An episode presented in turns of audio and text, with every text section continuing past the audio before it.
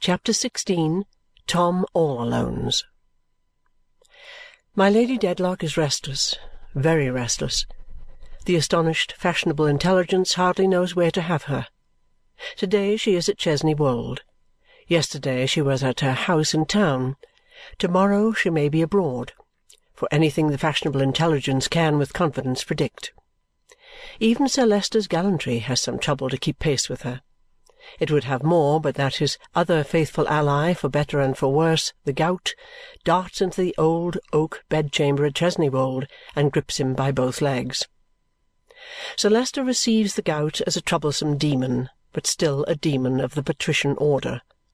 All the Dedlocks, in the direct male line, through a course of time during and beyond which the memory of man goeth not to the contrary, have had the gout. It can be proved, sir.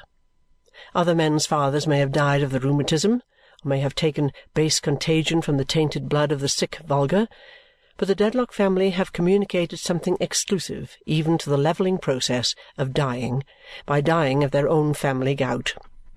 It has come down to the illustrious line like the plate, or the pictures, or the place in Lincolnshire. It is among their dignities.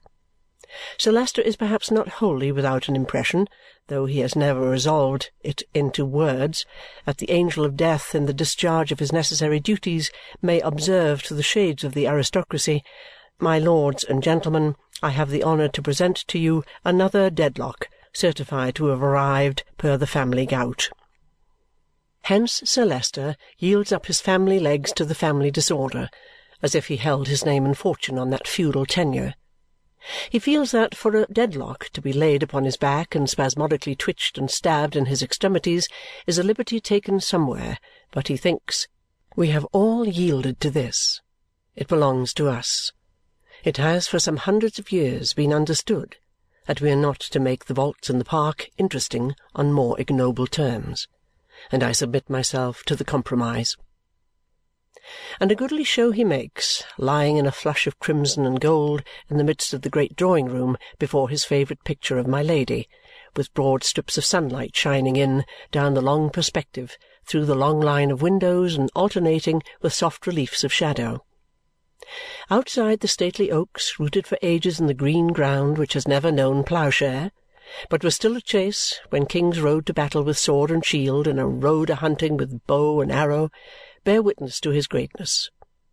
Inside, his forefathers, looking on him from the walls, say, Each of us was a passing reality here, and left this coloured shadow of himself, and melted into remembrance, as dreamy as the distant voices of the rooks, now lulling you to rest, and hear their testimony to his greatness too. And he is very great this day, and woe to Boythorn or other daring wight who shall presumptuously contest an inch with him.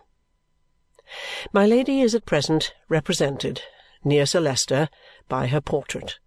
She has flitted away to town with no intention of remaining there and will soon flit hither again to the confusion of the fashionable intelligence. The house in town is not prepared for her reception. It is muffled and dreary. Only one Mercury in powder gapes disconsolate at the hall window and he mentioned last night to another Mercury of his acquaintance, also accustomed to good society, that if that sort of thing was to last, which it couldn't, for a man of his spirits couldn't bear it, and a man of his figure couldn't be expected to bear it, there would be no resource for him, upon his honour, but to cut his throat. What connexion can there be between the place in Lincolnshire, the house in town, the Mercury in powder, and the whereabout of Jo, the outlaw with the broom? Who had that distant ray of light upon him when he swept the churchyard step? What connexion can there have been between many people in the innumerable histories of this world who from opposite sides of great gulfs have, nevertheless, been very curiously brought together? Jo sweeps his crossing all day long, unconscious of the link, if any link there be. He sums up his mental condition when asked a question by replying that he don't know nothink he knows that it's hard to keep the mud off the crossing in dirty weather, and harder still to live by doing it. Nobody taught him even that much. He found it out. Jo lives, that is to say, Jo has not yet died, in a ruinous place known to the like of him by the name of Tom all Alone's. It is a black, dilapidated street, avoided by all decent people, where the crazy houses were seized upon, when their decay was far advanced, by some bold vagrants who after establishing their own possession took to letting them out in lodgings. Now these tumbling tenements contain, by night, a swarm of misery.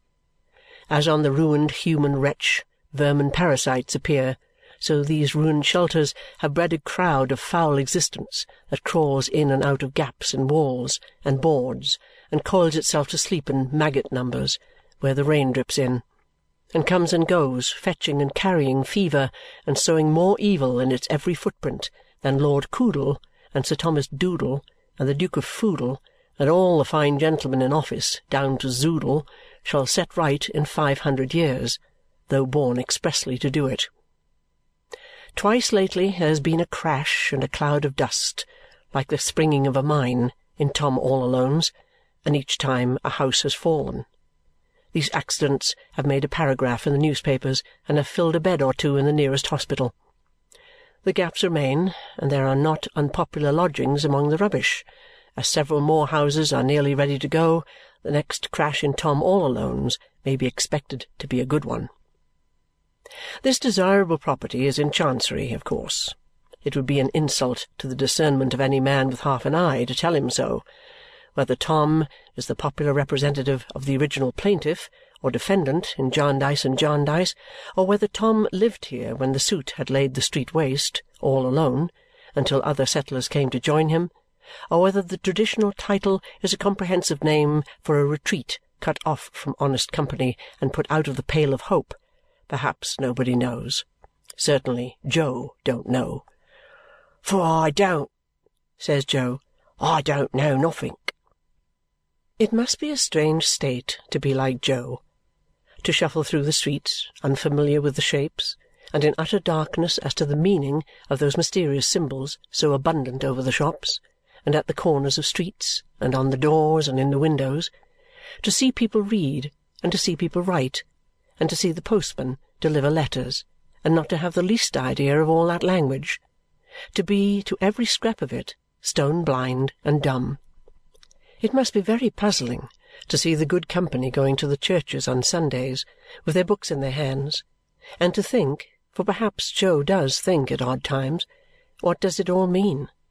And if it means anything to anybody, how comes it that it means nothing to me?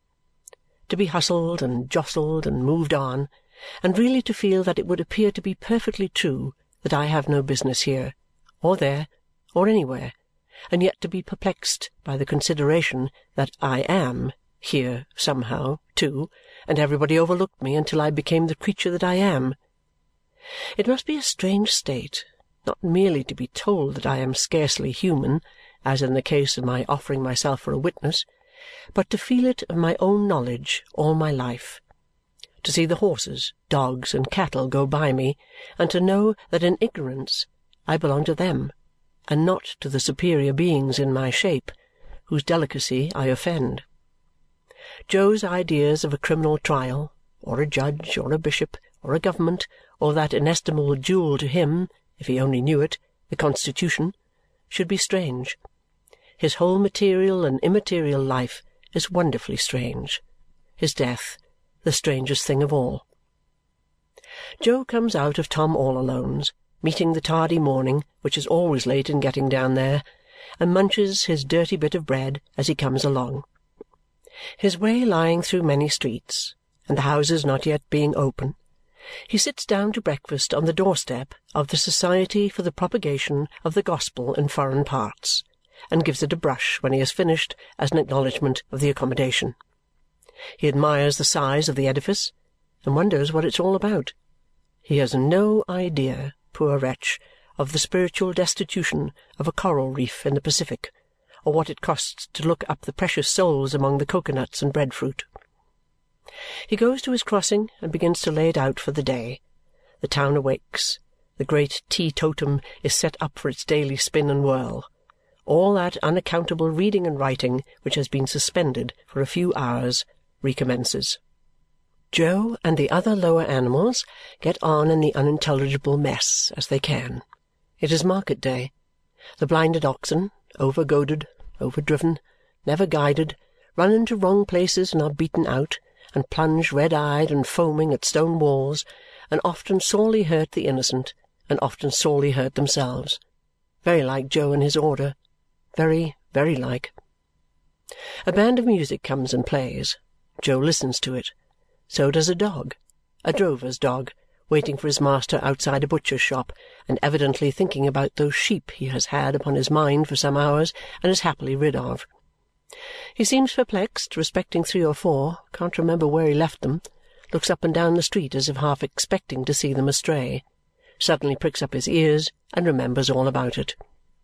A thoroughly vagabond dog, accustomed to low company and public houses, a terrific dog to sheep, ready at a whistle to scamper over their backs and tear out mouthfuls of their wool, but an educated, improved, developed dog who has been taught his duties and knows how to discharge them. He and Jo listen to the music, probably with much the same amount of animal satisfaction. Likewise, as to awakened association, aspiration, or regret, melancholy, or joyful reference to things beyond the senses, they are probably upon a par. But, otherwise, how far above the human listener is the brute! Turn that dog's descendants wild, like Jo, and in a very few years they will so degenerate that they will lose even their bark, but not their bite. The day changes as it wears itself away and becomes dark and drizzly. Jo fights it out at his crossing among the mud and wheels, the horses, whips, and umbrellas, and gets but a scanty sum to pay for the unsavoury shelter of Tom all Alone's. Twilight comes on. Gas begins to start up in the shops. The lamplighter with his ladder runs along the margin of the pavement. A wretched evening is beginning to close in.